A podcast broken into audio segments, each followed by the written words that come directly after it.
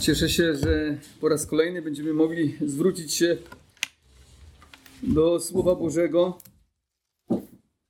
i rozważać je, bo to jest to, co daje nam życie i nie tylko życie na tamtym świecie, ale też Biblia mówi, że Słowo Boże daje nam życie na tym świecie. Eee, czytamy z naszymi dziećmi teraz w domu niemalże codziennie jeden werset z Księgi Kaznodziei Salomona. I to jest taka księga, która mówi o tym, jak żyć, e, jak załatwiać sprawy ze swoimi znajomymi, z sąsiadami, jak układać sprawy w świecie. I codziennie czytamy jakiś wiersz i rozmawiamy na temat tego wiersza. Ostatnio czytaliśmy Alicja chyba o tym, żeby nie dawać e, poręki, tak, ludziom niepewnym. E, nie, i rozmawialiśmy, co to znaczy nie ręczyć za kogoś, kto jest niepewny. E, I to są takie przestrogi, które mogą ustrzec nas od wielu problemów w życiu. I Słowo Boże właśnie tak działa, że ono prostuje nasze drogi i może ustrzec nas od wielu problemów. Daje życie na tym świecie, ale daje życie też przede wszystkim na tamtym świecie. I dzisiaj chciałbym, żebyśmy się zwrócili do Księgi Rodzaju, e, pierwszy rozdział od 27 wiersza do 31. I czytamy tak. I stworzył Bóg człowieka na obraz swój, na obraz Boga stworzył go. Jako mężczyznę i niewiastę stworzył ich. I błogosławił im Bóg i rzekł do nich: Rozradzajcie się i rozmnażajcie się, i napełniajcie ziemię i czyńcie ją sobie poddaną. Panujcie nad rybami morskimi, nad ptactwem niebios i nad wszelkimi zwierzętami, które się poruszają po ziemi. Potem rzekł Bóg: Oto daję wam wszelką roślinę wydającą nasienie na całej ziemi i wszelkie drzewa, których owoc ma w sobie nasienie, niech będzie dla was pokarmem. Wszystkim zaś dzikim zwierzętom i wszelkiemu ptactwu niebios i wszelkim płazom na ziemi, których jest tchnienie życia, daje na pokarm wszystkie rośliny. I tak się stało. I spojrzał Bóg na wszystko, co uczynił, a było to bardzo dobre. I nastał wieczór i nastał poranek, dzień szósty. Pomodlę się. Panie, pobłogosław i pomóż mi wyjaśniać, pomóż nam się zbudować i zastosować w naszym życiu. Amen. Drodzy, ostatnio mówiliśmy e, o tym, e, że zostaliśmy stworzeni na obraz Boga, a dzisiaj więcej powiemy sobie o tym, po co tu jesteśmy, po co jesteśmy w ogóle na Ziemi. To jest tak powszechne pytanie, tak wielu ludzi zadaje to pytanie. Pytanie o sens życia jest jednym z najważniejszych pytań, jakie zadaje sobie ludzkość. Ludzie wydają miliardy dolarów na to, żeby dowiedzieć się, po co są na Ziemi. Bóg dał w nasze serce takie pragnienie, żeby wiedzieć to, żeby szukać tego. Każdy człowiek ma takie pragnienie i oczywiście ludzie szukają w różnych miejscach tego sensu życia, prawda? Niektórzy przez pieniądze myślą, że odnajdą sens życia, inni przez pracę, jeszcze inni przez odwiedzanie różnych miejsc na świecie. Chcą odwiedzić wszystkie kraje, wszędzie być, wszystko zobaczyć. Ktoś jeszcze inny myśli, że przez rodzinę, za, założyć rodzinę, e, mieć kochającą, wspaniałą rodzinę, przyjaciół, znajomych, budować więzi, relacje, to będzie sens życia prawdziwy. I oczywiście w tych wszystkich różnych rozwiązaniach jakaś część prawdy jest, prawda? Ale nie ma tam tej pełnej prawdy. I dzisiaj chciałbym, żebyśmy sobie odpowiedzieli, co Słowo Boże, Boże mówi na temat sensu życia. Nawet wymyślono dziedzinę nauki, która po części próbuje na to pytanie odpowiedzieć. Jest to filozofia. W zeszłym tygodniu mówiliśmy właśnie o obrazie Boga, a dzisiaj chcę, żebyśmy więcej skupili się na tym, po co jesteśmy na Ziemi. Dlaczego Bóg nas tutaj umieści, umieścił. Jest to ważna rzecz dotycząca ludzi, prawda? Bo wszyscy tego szukają. Mówiliśmy też ostatnio, że zwierzęta nie mają obrazu Boga i nie mają duszy, ale człowiek ma w sobie wieczną cząstkę. Ma nieśmiertelnego ducha, mówi Biblia, który sprawia, że jesteśmy ludźmi.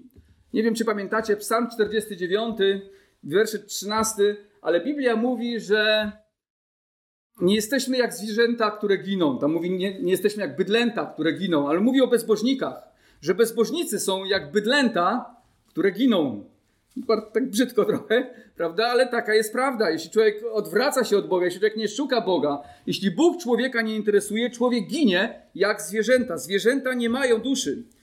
Biblia mówi, że ta wieczna niematerialna część jest o wiele ważniejsza od tego, jak wyglądamy, od naszego ciała. W, księdze, w księdze Kaznodziei Salomona czytamy, zwróćcie uwagę, w trzecim rozdziale, wierszu jedenastym, Księga Kaznodziei Salomona, trzeci rozdział, wiersz jedenasty. Wszystko pięknie uczynił. Oczywiście Bóg. Bóg wszystko pięknie uczynił. W swoim czasie, i teraz o człowieku, nawet wieczność włożył w ich serca, a jednak człowiek nie może pojąć dzieła, którego dokonał Bóg od początku do końca. Wszystko pięknie uczynił, nawet wieczność włożył w ludzkie serca. Bóg włożył wieczność, pragnienie życia wiecznego w ludzkie serca, włożył w nasze serca nieśmiertelnego ducha. Nie chcemy umierać, nikt nie chce umierać. Jeszcze nie spotkałem człowieka, który chciałby umierać. Ludzie chcą czasami umierać, popełniają samobójstwa, dlatego że jest im w życiu źle, ale gdybyś zmienił ich życie, gdybyś usunął te przeszkody, które mają w życiu, nie chcieliby umierać. Tak naprawdę ludzie chcą żyć. Każdy chce żyć. Nikt nie chce śmierci. Niestety śmierć weszła na świat w wyniku grzechu, wiemy to. Ale Biblia mówi, że choć ciało nasze umiera, to wraz z momentem śmierci nasz duch istnieje i nadal idzie, nadal żyje i idzie do Boga na sąd. Inaczej jest ze zwierzętami. Gdy tracą życie, obracają się w proch i już ich nie ma. Ale nie jest tak z człowiekiem. Bóg uczynił nas nie tylko wyjątkowymi w stworzeniu, dając nam swój obraz, ale dał nam również wyjątkowe miejsce.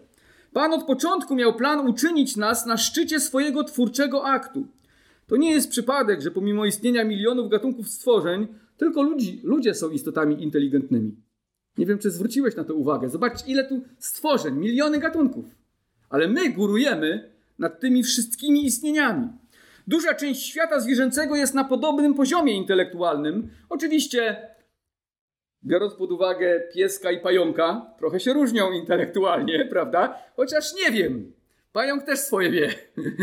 nie? Ale chodzi o to, że są na podobnym poziomie w tym świecie zwierzęcym, zwierzęcym zwierzęca, ale człowiek znacznie przewyższa te najbardziej inteligentne zwierzęta dlatego że jesteśmy inni. Zostaliśmy stworzeni nie tylko na Boży obraz, ale zostaliśmy stworzeni do wieczności. Bóg dał nam intelekt, możemy rozważać swoje życie, możemy myśleć o swoim życiu i tęsknimy za wiecznością. Nasze doświadczenia i obserwacje są zgodne z tym, co mówi Księga Rodzaju. Zostaliśmy postawieni jako pierwsi w całym stworzeniu. Zobaczmy, co mówi Bóg do pierwszych ludzi w 28 wierszu po tym, jak ich stworzył. I błogosławił im Bóg i rzekł do nich, Bóg, rozradzajcie się i rozmnażajcie się i napełniajcie ziemię i czyńcie ją sobie poddaną, panujcie nad rybami morskimi i nad ptactwem niebios i nad wszelkimi zwierzętami, które się poruszają po ziemi. Widzimy wyraźnie, że Bóg nakazał Adamowi i Ewie panowanie nad całą planetą. To jest nasze zadanie. Przekazał im rządy nad planetą, nad zwierzętami wszelkiego rodzaju, nad ziemią, by czynić ją sobie poddaną. Czyli mieli uporządkowywać ziemię w taki sposób, by mogła ludziom służyć i przynosić Bogu chwałę. To było zadanie pierwszych ludzi. Uporządkowywać ziemię, którą Bóg im dał, ale tak, żeby Bóg był w tym uwielbiony. Słowa o panowaniu i podporządkowaniu ziemi dowodzą, że nawet przed upadkiem ręka człowieka była niezbędna, by organizować ziemię i czynić ją uporządkowaną. Czyli Bóg dał nam pewne zadania i tak przystosował ziemię do tych zadań, żebyśmy byli na ziemi potrzebni. Nadrzędnym celem w panowaniu i organizowaniu ziemi było przynosić uwielbienie dla Pana Boga. Tego Bóg chciał dla każdego człowieka. Bóg miał być uwielbiony w pracy człowieka oraz w sposobie panowania nad tym, co Pan mu powierzył. Idźmy trochę dalej. Do drugiej do, drugiego rozdziału Księgi Rodzaju. Tam mamy więcej szczegółów i zobaczymy, jak w szczegółach to panowanie miało wyglądać. Otwórzmy Księgę Rodzaju, drugi rozdział, 2:8, później 15 e, i 19 i 20. 2:8. Czytamy tak. Księga Rodzaju, drugi rozdział, 2, 2:8. Potem zasadził Pan Bóg ogród w Edenie na wschodzie tam umieścił człowieka, którego stworzył. Wiersz 15. I wziął Pan Bóg człowieka i osadził go w ogrodzie Eden, aby go uprawiał i strzegł. Wiersz 19 i 20.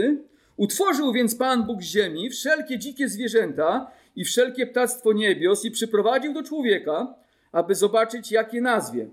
A każda istota żywa miała mieć taką nazwę, jaką nadaje jej człowiek.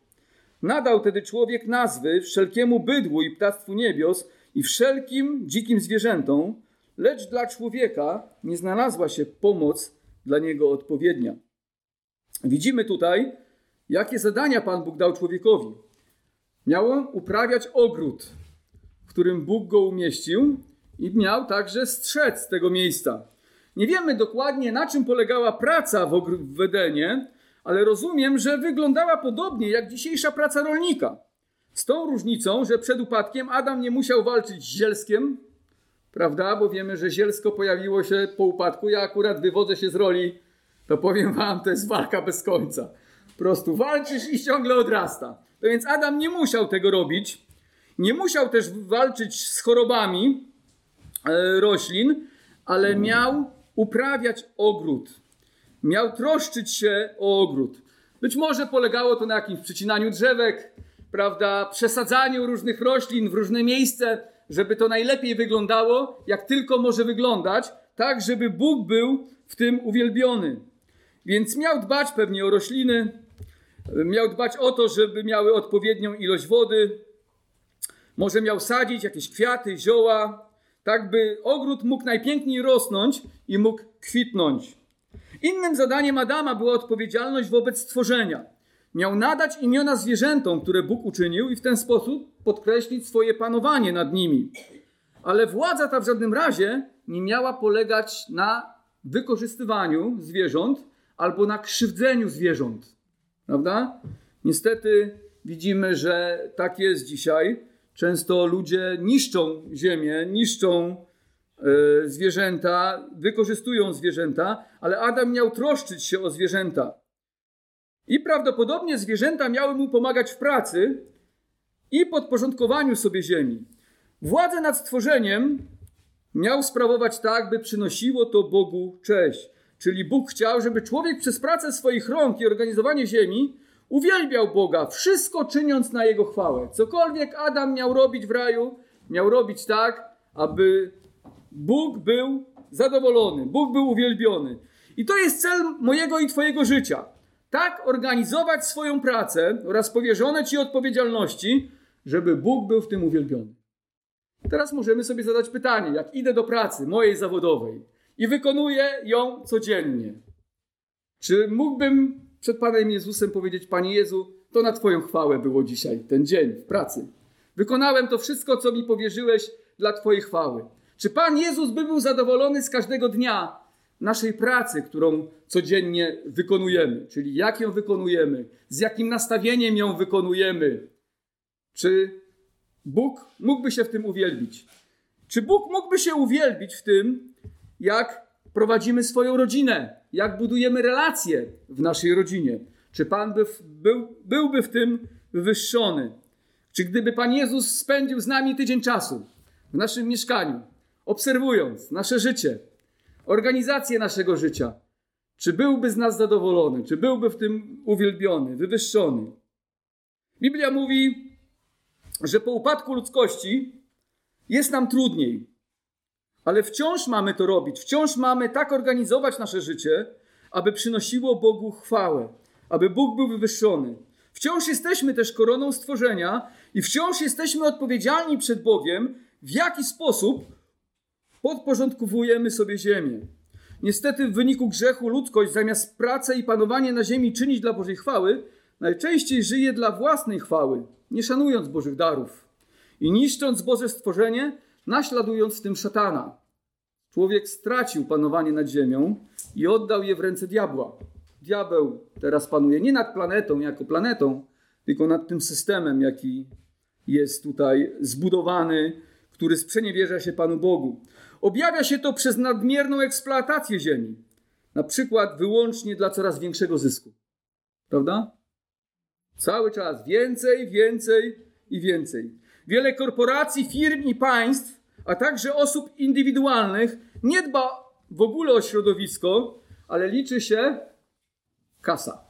Ile mogę zarobić? Nieważne, ile terenów zniszczę, ile zwierząt zdechnie, prawda? Jak zanieczyszczę bardzo środowisko, ile ludzi dostanie raka, tylko żebym mógł zarobić pieniądze.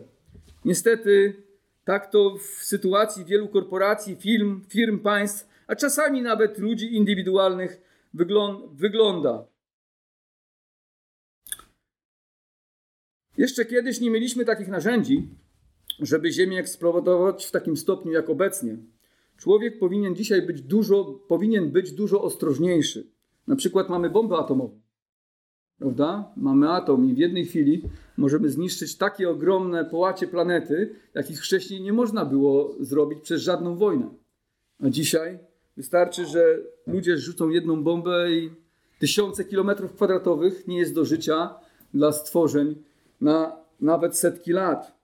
To więc powinniśmy być bardziej odpowiedzialni, dużo ostrożniejsi. Ale niestety często ludzie zaślepieni są chciwością, nienawiścią, nie dbają o ziemię, którą Bóg im powierzył. Nie chodzi o to, żeby teraz przesadnie stać się jakimś czcicielem stworzenia, bo to druga skrajność. Prawda? Ale mamy dbać o otoczenie, w którym Bóg nas umieścił, jak miał czynić to Adam, aby nasz Bóg był w tym uwielbiony, aby Chrystus był w tym uwielbiony. Czyli służbą dla Boga jest dbanie o nasz dom, mieszkanie, ogród, jeśli go mamy, organizowanie miejsca pracy, wykonywanie jej w taki sposób, by chwalić nią Boga. Chodzi o to, żeby wydobyć piękno stworzenia na chwałę Stwórcy. Czyli nie powinniśmy znęcać się nad zwierzętami, czy nadmiernie ich eksploatować, albo w ogóle niszczyć środowiska, ale troszczyć się o nie w miarę możliwości. Taka prosta rzecz. Co robisz śmieciami, jak idziesz? Prawda? Czy rzucisz do śmietnika, czy rzucisz na chodnik? Tak? To taka prosta rzecz, ale od tego się zaczyna. Nie? Czasami rozmawiamy z moimi dziećmi, jakby wszyscy tak rzucili śmieci na chodnik, no to mieszkalibyśmy po prostu na śmietniku. E, nie? Czynienie sobie ziemi poddanej też obejmuje postęp naukowy i technologiczny. Człowiek dzięki rozwojowi techniki i nauki może wiedzieć i poznawać coraz więcej. Mamy samochody do szybkiego przemieszczania się, komputery w naszych kieszeniach. Chodzi o te małe urządzenia, które nazywamy smartfonami. Mamy na tych urządzeniach niemal wszystkie informacje. To jest naprawdę przełom technologiczny, że my dzisiaj, biorąc do ręki to urządzenie, możemy zaraz wiedzieć o wiele więcej niż nasi dziadkowie, którzy musieli iść do biblioteki, wyciągnąć jakąś książkę, najpierw znaleźć ją w spisie, spędzić tam kilka godzin i dopiero po przeczytaniu, prawda, mogli podzielić się tą wiedzą. My mamy dzisiaj tą wiedzę na wyciągnięcie ręki. To więc ten przełom technologiczny faktycznie jest niesamowity. I powinniśmy z tego postępu korzystać, a nawet rozwijać go, ale znowu tutaj powinniśmy chwalić za to Pana Boga. Niestety tutaj ludzkość też zamiast dziękować Bogu za rozwój, za nowsze i lepsze źródła energii oraz szersze możliwości, to często prowadzi to wielu ludzi do odrzucenia Boga. Chodzi o to, że postęp ludzkości, większa wiedza, łatwy dostęp do informacji sprawia, że często człowiek staje się bardziej pyszny. Prawda? Nie dziękuję Bogu, ale dlatego, że więcej wie, to na przykład dochodzi do wniosku, że nie ma Boga. Tak? Bo więcej wie, jakby niby więcej sprawdził, niby więcej zobaczył, ma większą wiedzę, większe doświadczenie. No i dzisiaj już jestem takim mądrym człowiekiem, żeby wiedzieć, że Boga nie ma. Tak? I ta technologia, którą Bóg mu dał, która powinna skłonić go do uwielbienia Boga, tak naprawdę doprowadziła go do tego, że odwrócił się od Boga. To więc zobaczcie, jakie pokrętne jest nasze serce. Niestety ludzie zaczynają mniej dostrzegać Boga często i oddają swoje życie stworzeniu zamiast Twórcy. A ty bardziej chwalisz Boga czy mniej, dowiadując się więcej o stworzeniu? Bardziej chwalisz Boga czy mniej? Czy Bóg jest dla ciebie większy, wspanialszy? Jest większe uwielbienie w twoim życiu? Jak wzrasta ilość informacji i poznania? Jak organizujemy swoją pracę i dom? Czy eksponujemy to? Czy eksponujemy przez to wspaniałość Chrystusa i Jego Ewangelii? Zauważmy w naszym fragmencie, że Adam miał kontrolę nad ziemią i całym stworzeniem. Tak? Bóg mu tą, tą kontrolę powierzył. Czytaliśmy, że i pobłogosławił im Bóg i powiedział: Panujcie nad rybami morskimi, nad ptactwem niebios i nad wszelkimi zwierzętami, które się poruszają po ziemi.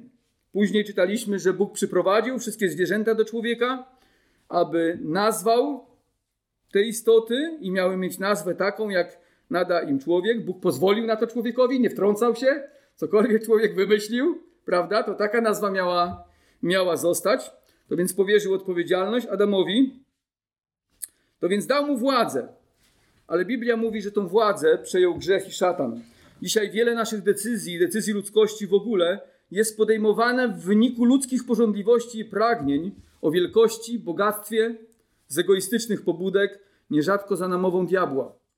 Zobaczcie, ja mówię na swoim przykładzie, ile kłótni w naszych małżeństwach jest tylko dlatego, że my chcemy coś robić. I teraz, no, tak kombinujemy, tak, żeby ta druga osoba nam nie przeszkadzała. Nie, bo mamy jakieś pragnienia, mamy jakąś chęć, mamy jakiś swój plan i teraz tak robimy, żeby odciąć tą drugą osobę, albo manipulujemy, żeby ona się na to zgodziła. Tak? I gwałcimy jej wolę, tak? Chcemy, żeby podejmowała dokładnie takie decyzje, jak my podejmujemy. Po prostu jesteśmy egoistami. Też robimy tak w naszych relacjach z innymi. Szatan podobnie kiedyś namawiał naszego Pana, by sprzeciwiał się Bogu, o czym czytamy w czwartym rozdziale Ewangelii Mateusza. Ale Biblia mówi, że Pan Jezus przyszedł, by zniszczyć dzieła diabła i tą władzę, którą my utraciliśmy, odzyskać i stworzenie wyzwolić spod wpływu grzechu i szatana. Obiecał nam również Pan Jezus odnowienie ziemi i tysiącletnie królestwo. Po swoim powrocie On da ziemię tym, którzy wierzą w Niego. W tym królestwie On sam będzie zasiadał na tronie, a ziemia zostanie przekazana świętym Najwyższego. Otwórz Psalm 37, wiersz 11. Psalm 37, wiersz 11. Ta obietnica pojawia się w kilku miejscach w Biblii. I zobaczmy 37, 11. W Nowym Testamencie też możemy ją przeczytać przy błogosławieństwach. I czytamy tak. Lecz pokorni odziedziczą ziemię i rozkoszować się będą obfitym pokojem. To więc, choć my utraciliśmy władzę i kontrolę nad ziemią, Jezus ją dla nas odzyskał. Prawda? On zapanuje nad całą ziemią i on przekaże władzę, przekaże ziemię świętym Najwyższego. Wtedy, kiedy powróci. Będzie to powrót wtedy, kiedy on powróci, do dnia jakby sprzed upadku. I wypełnią się Boże zamierzenia, Boże pragnienia i przykazanie dane Adamowi, by czynić ziemię sobie poddaną na cześć naszego Boga. Niestety dzisiaj, choć człowiek czyni sobie ziemię poddaną, często nie dla chwały Pana Boga. Mówię dla swojej chwały, dla chwały szatana, ale nie dla chwały Boga. My mamy robić to dla chwały Boga. Każdy powinien robić dla chwały Boga. Bóg również pobłogosławił ludzi, stwarzając instytucję małżeństwa i powiedział, że mają się rozradzać oraz zapełniać ziemię pobożnym potomstwem. Małżeństwo między mężczyzną a kobietą to nie jest wymysł człowieka. Czasami ludzie mówią, a po co mi papierek? A kto to wymyślił? No właśnie Pan Bóg to wymyślił. Tak? Jeśli chcesz być wierny Bogu, to będziesz małżeństwo organizował zgodnie z tym, co Pan Bóg zapowiedział w Księdze Rodzaju. To jest Boży plan dla ludzkości. Niestety i tutaj w wyniku upadku dążenia człowieka bardzo się zmieniły. W wielu kulturach Boży zamysł dla małżeństwa został przeinaczony i zamiast jednego mężczyzny i jednej kobiety jest na przykład wiele kobiet i jeden mężczyzna. To całkiem muzułmanie, prawda? Taka kultura dosyć e, szeroka gdzie wielożeństwo jest akceptowane. W wielu innych kulturach też wielożeństwo jest akceptowane. Ale Jezus powiedział do Żydów, że pierwotnie Bóg chciał, aby był jeden mężczyzna i jedna kobieta. Bóg nie stworzył jednego Adama i trzech Ew, tak? Tylko stworzył jednego Adama i jedną Ewę. I odwrotnie też nie stworzył, tak? Trzech Adamów i jedną Ewę. Niestety człowiek znowu tutaj zmienił, przeorganizował to, co Pan Bóg chciał, żeby pierwotnie miało miejsce. Lub jeszcze gorzej, nie ma kobiet i jest dwie osoby tej samej płci. Prawda?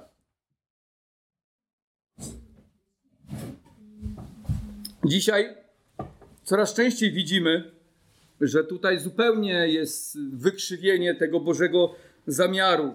Biblia mówi, że jest to obrzydliwe w oczach Boga. Księga kapłańska, 18, 22. Homoseksualny związek osób tej samej płci w ogóle nie jest małżeństwem przed Bogiem, niezależnie od tego, jakie jest prawo państwowe i co ludzie piszą w dokumentach. Cokolwiek mogą tam napisać, ale nie będzie to związek małżeński w oczach Pana Boga. Zresztą nie wiem, czy zauważyliście, ale to zepsucie postępuje i będzie coraz większe. I gdy spojrzymy na Sodomę i Gomorę, to widzimy, że w końcu kiedyś nadszedł sąd. I w końcu kiedyś przyjdzie wylanie Bożego gniewu na ziemię za tą bezbożność. I zbliżamy się do tego. W rzeczywistości Słowo Boże mówi, że relacja homoseksualna jest grzechem, z którego należy się upamiętać, jak z każdego innego grzechu.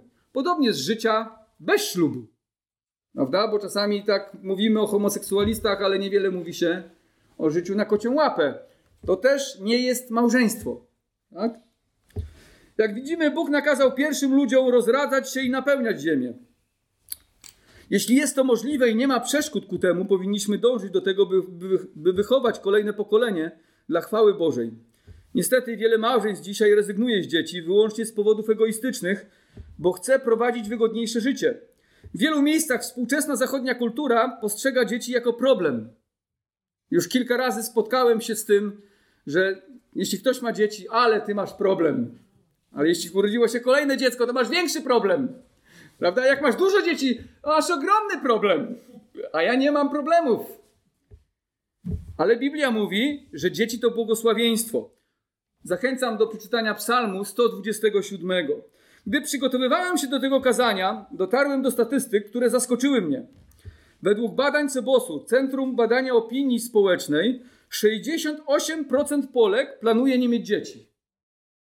Zobaczcie, 68% Polek. Ogromna, ogromna liczba. Byłem w szoku. Myślałem, że może z 30. To jest źle podawane. Tam jest 68 badanych, które też już mają dzieci.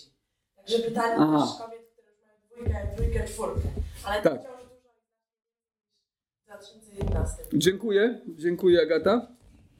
Dużo osób nie chce mieć dzieci. Powody takiej decyzji są różne, ale w większości wynikają z obaw o przyszłość, sytuację materialną, a także chęć robienia kariery czy oszczędzenie sobie trudności związanych z rodzicielstwem. Faktycznie, rodzicielstwo jest wyzwaniem. Każdy, kto ma dzieci, wie, że to jest yy, no, wyzwanie, jest to trudne, jest to czasami e, ciężkie doświadczenie dla nas, tak? Maciek mówił o tym, że był w szkole, musiał nasłuchać się też różnych e, przykrych rzeczy, ale mimo wszystko Biblia mówi, że rodzicielstwo jest błogosławieństwem. Bóg powierzył nam dzieci, abyśmy wychowywali je na Jego chwałę. Należy powiedzieć, że jeśli rezygnacja z potomstwa wynika z samolubnych, egoistycznych pobudek, na przykład dla kariery lub z pragnienia prowadzenia materialistycznego stylu życia, to nie jest to zgodne z Bożym zamierzeniem dla ludzkości. Bóg pragnie, byśmy powielali Jego obraz na ziemi. Wraz z potomstwem Pan daje również odpowiedzialność, jaką jest prowadzenie naszych dzieci do poznania Boga. Powinniśmy to traktować jako służbę zleconą nam od Boga. Tak? A następnie czytamy, że Bóg pobłogosławił ludzi i zwierzęta, dając im na pokarm rośliny, drzewa rodzące owoce według ich rodzajów. 29, 30. Jak jeszcze krótko odniosę się do małżeństwa i do dzieci. Oczywiście nie mówimy tutaj o sytuacjach, kiedy człowiek nie jest w stanie być w związku małżeńskim, bo każdy z nas ma inne powołanie. To nie jest tak, że wszyscy muszą zawierać małżeństwo, żeby wypełnić Boże y, plany dla człowieka. Pan Jezus wyjaśnił to nam, że ludzie mają różne powołania. Tak? Pan Jezus na przykład wiemy, że nie był w małżeństwie. Wiemy, że apostoł Paweł też nie był w małżeństwie. No więc musimy też rozpoznać to Boże powołanie, jakie Bóg nam daje. Ale jeśli Bóg daje nam pragnienie małżeństwa, powinniśmy w związki małżeńskie wstępować. Nie wiem, czy zauważyliście, ludzie często nie chcą zawierać małżeństwa, ale i tak najczęściej lądują w jakichś związkach. Prawda? 90% ludzi ostatecznie ląduje w jakichś związkach. Czyli czego to dowodzi?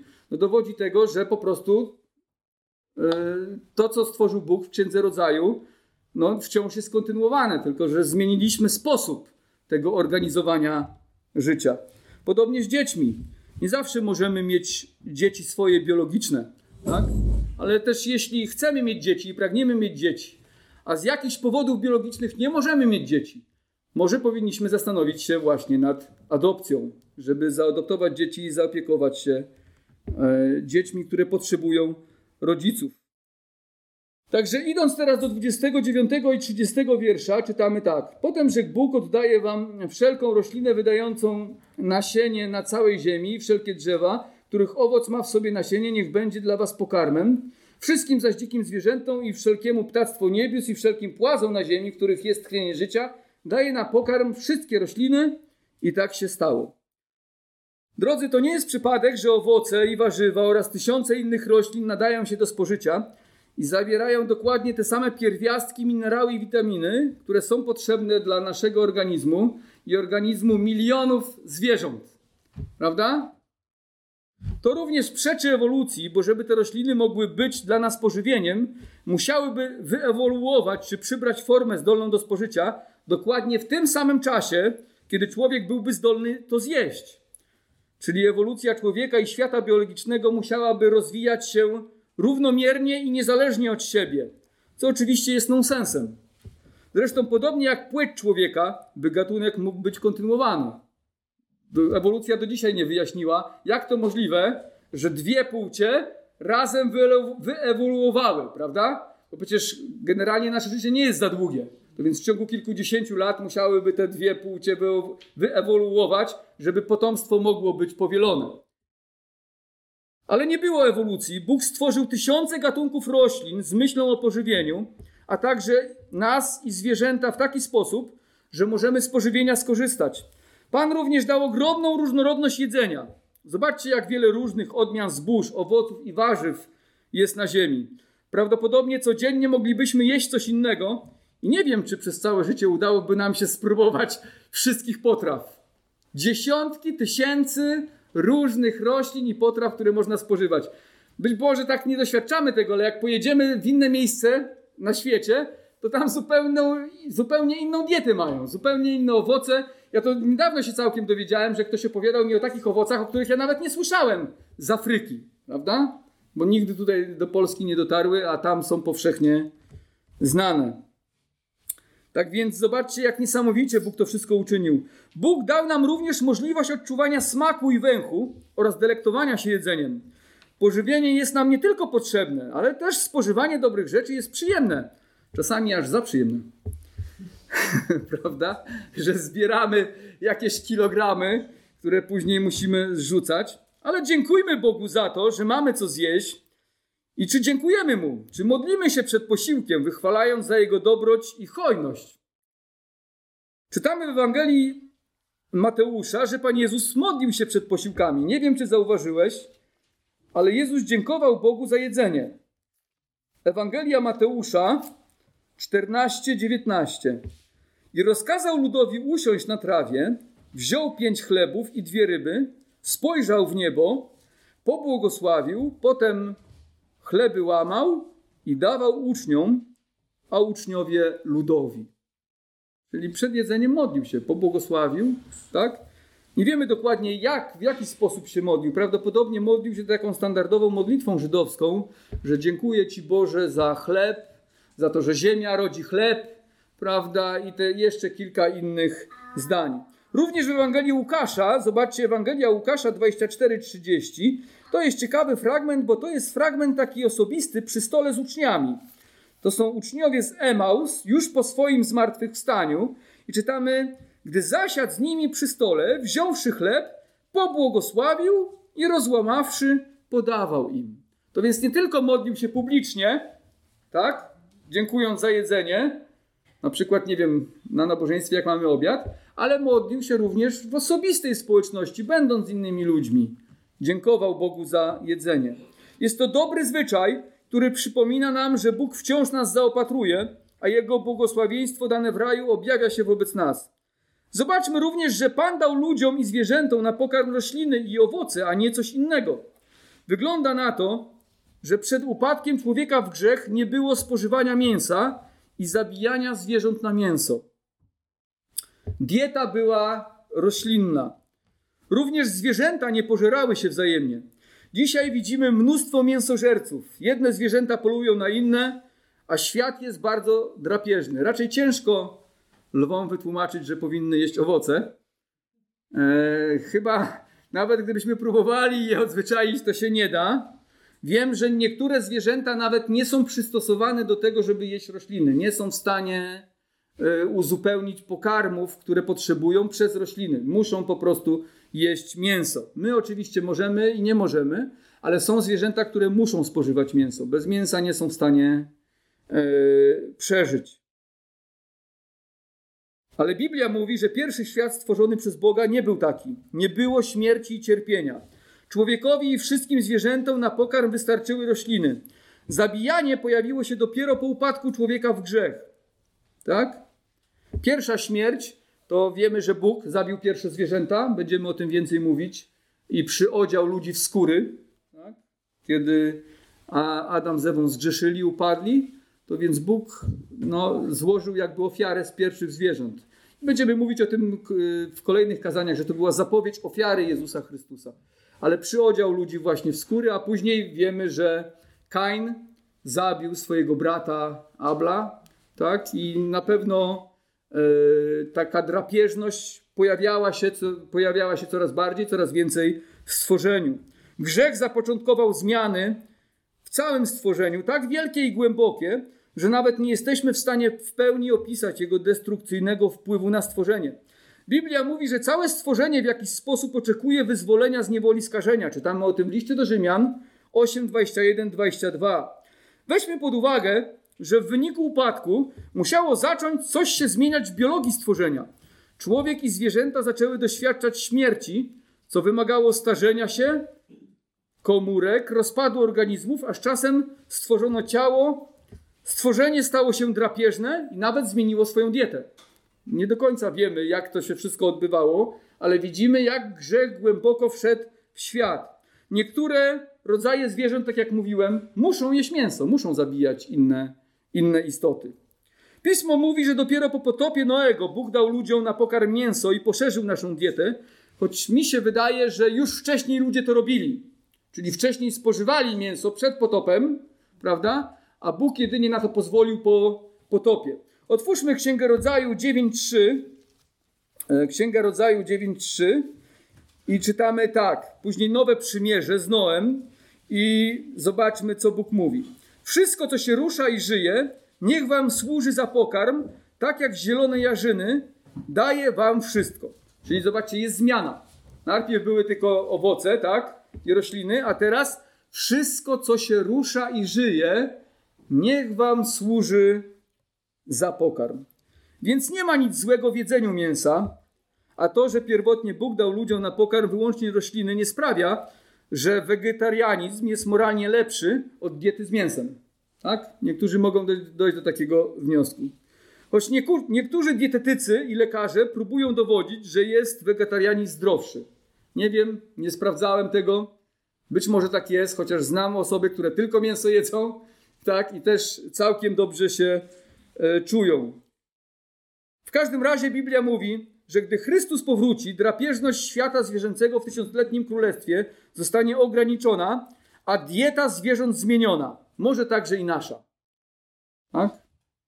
Chociaż inne fragmenty mówią, że w tysiącletnim królestwie będziemy jeść ryby. Tak? Ale nie wiem, jak będzie na przykład z innym mięsem. Ale zobaczmy Księgę Izajasza 11:6. 8. Księga Izajasza, 11 rozdział, od 6 wiersza. I będzie wilk gościem jagnięcia, a lampart będzie leżał obok koźlęcia. Ciele i lwiątko i tuczne bydło będą razem, a mały chłopiec je poprowadzi. Krowa będzie się pasła z niedźwiedzicą, ich młode będą leżeć razem, a lew będzie się karmił słomą jak wół. Niemowlę bawić się będzie nad jamą żmii, a do nory węża wyciągnie dziecię swoją rączkę. To będzie tak w tysiącletnim królestwie, czyli jakaś zmiana, wielka zmiana. Widzimy, że zwierzęta drapieżne żyją w harmonii ze swoimi żywicielami. Wilk z jagnięciem, lampart z koźlęciem, lew i tuczne bydło, to raczej się nie zdarza, a sam lew będzie jadł słomę jak wół. Trudno mi sobie to wyobrazić, powiem szczerze, no ale Pismo Święte mówi, że tak będzie, że nie będzie całego tego zabijania. Tak? Nie będzie tej krwiożerczości w świecie zwierząt. Zwierzęta żyją w harmonii razem ze sobą. To wszystko stanie się przez zbawienie i moc Pana naszego Jezusa Chrystusa. Jego ofiara umożliwiła nam pojednanie z Bogiem. Jego ofiara umożliwiła nie tylko nasze zbawienie, ale Biblia mówi, że odnowę całego świata, a nawet wszechświata. Bo przecież spodziewamy się nowej ziemi i nowego nieba. Widzimy na końcu stworzenia, że wszystko było bardzo dobre. Zobaczcie, 31 wiersz. I spojrzał Bóg na wszystko, co uczynił, a było to bardzo dobre. I nastał wieczór, i nastał poranek, dzień szósty. Wcześniej Bóg mówił, że wszystko było dobre, ale dopiero zakończone dzieło stworzenia objawiło w pełni i objawia w pełni chwałę Boga i wyrażało wspaniałość oraz, oraz mądrość artysty. Tu troszkę, może artyści mnie lepiej zrozumieją, Marta, prawda, jak się maluje obraz, nie? I jak masz już pewne kontury, no jest fajnie, ale dopiero to wygląda super, jak już jest wszystko skończone, prawda? Wtedy widzimy w pełni wielkość Bożego dzieła. Drodzy, istniejemy tutaj dla Boga. On wyznaczył cel dla naszego życia, jakim jest panowanie nad stworzeniem i zarządzanie nim dla Jego chwały. W związku z tym czyńmy to. Wykonujmy swoje obowiązki dla Jego chwały. Wychowujmy dzieci dla Jego chwały. Budujmy nasze małżeństwa jedzmy oraz pijmy dla Jego chwały, aby nasz Bóg oraz nasz Pan, Jezus Chrystus, był uwielbiony i by nowe stworzenie stało się naszym udziałem. Amen. Zachęcam do powstania i do modlitwy. Panie nasz, dziękujemy Ci, że powierzyłeś nam taką wielką odpowiedzialność panowanie nad stworzeniem. I widzimy, że przewyższamy wszystkie inne istoty, które są tutaj na ziemi. Ale przepraszamy Cię, że nie zawsze wywiązujemy się z tej odpowiedzialności w taki sposób, jak Ty tego od nas oczekujesz. Panie, proszę Cię, abyśmy w naszej pracy, w zarządzaniu też stworzeniem, w relacjach z innymi ludźmi, w tym jak traktujemy środowisko, zwierzęta, przynosili Tobie chwałę i cześć. Panie, pomóż nam o tym pamiętać. Dziękujemy Ci za to, że nadchodzi nowe stworzenie, nadchodzi nowa ziemia i nowe niebo. I widzimy dzisiaj, Panie, wiele cierpienia, ale mamy nadzieję na Twój powrót i wiemy, że to wszystko zmienisz. I nie będzie cierpienia, nie będzie tej całej krwiożerczości. Ale póki tak jest, pomóż nam w tym świecie nieść Twój obraz i dla Twojej chwały porządkować tą ziemię i nasze życie. Amen.